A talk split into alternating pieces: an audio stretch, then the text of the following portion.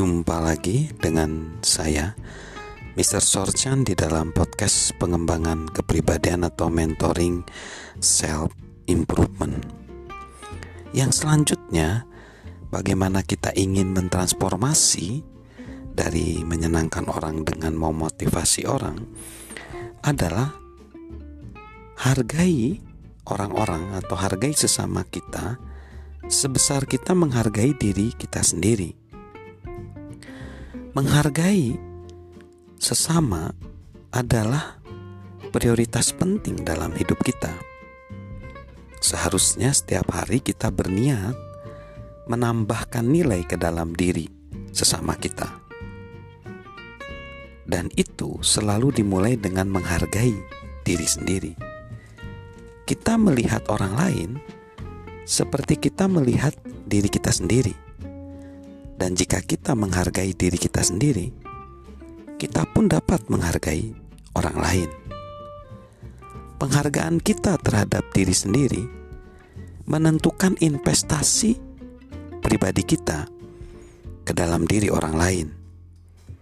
Jika kita merasa layak mendapat kesempatan, kita akan memberi orang lain kesempatan. Jika kita merasa layak dikembangkan, kita akan bersedia mengembangkan orang lain. Jika kita melihat diri kita sendiri bernilai 9 dari maksimum 10, kemungkinan besar kita akan sangat menghargai orang lain. Jika kita merendahkan diri sendiri, kemungkinan kita akan meremehkan orang lain.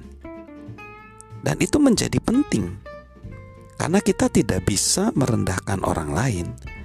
Sekaligus kita misalnya kalau kita ingin menjadi leader kita juga nggak bisa menjadi leader yang baik. Khususnya ya misalnya kita menjadi leader ya baik itu di keluarga di perusahaan atau di mana pun. Nah leader yang baik dia akan menghargai para pengikutnya dan akan memberi upaya yang terbaik. Tetapi kalau leader yang merendahkan pengikutnya akan memberi sedikit juga.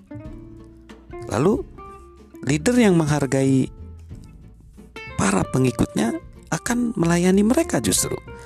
Tapi leader yang merendahkan para pengikutnya pasti dia ingin dilayani oleh mereka.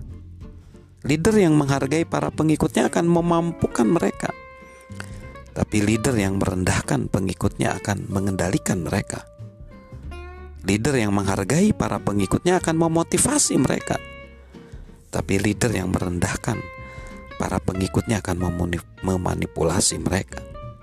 So, untuk memaksimalkan potensi kita dan orang-orang, kita harus percaya bahwa orang-orang orang-orang lain memiliki potensi terbaik dengan begitu kita akan memberikan yang terbaik.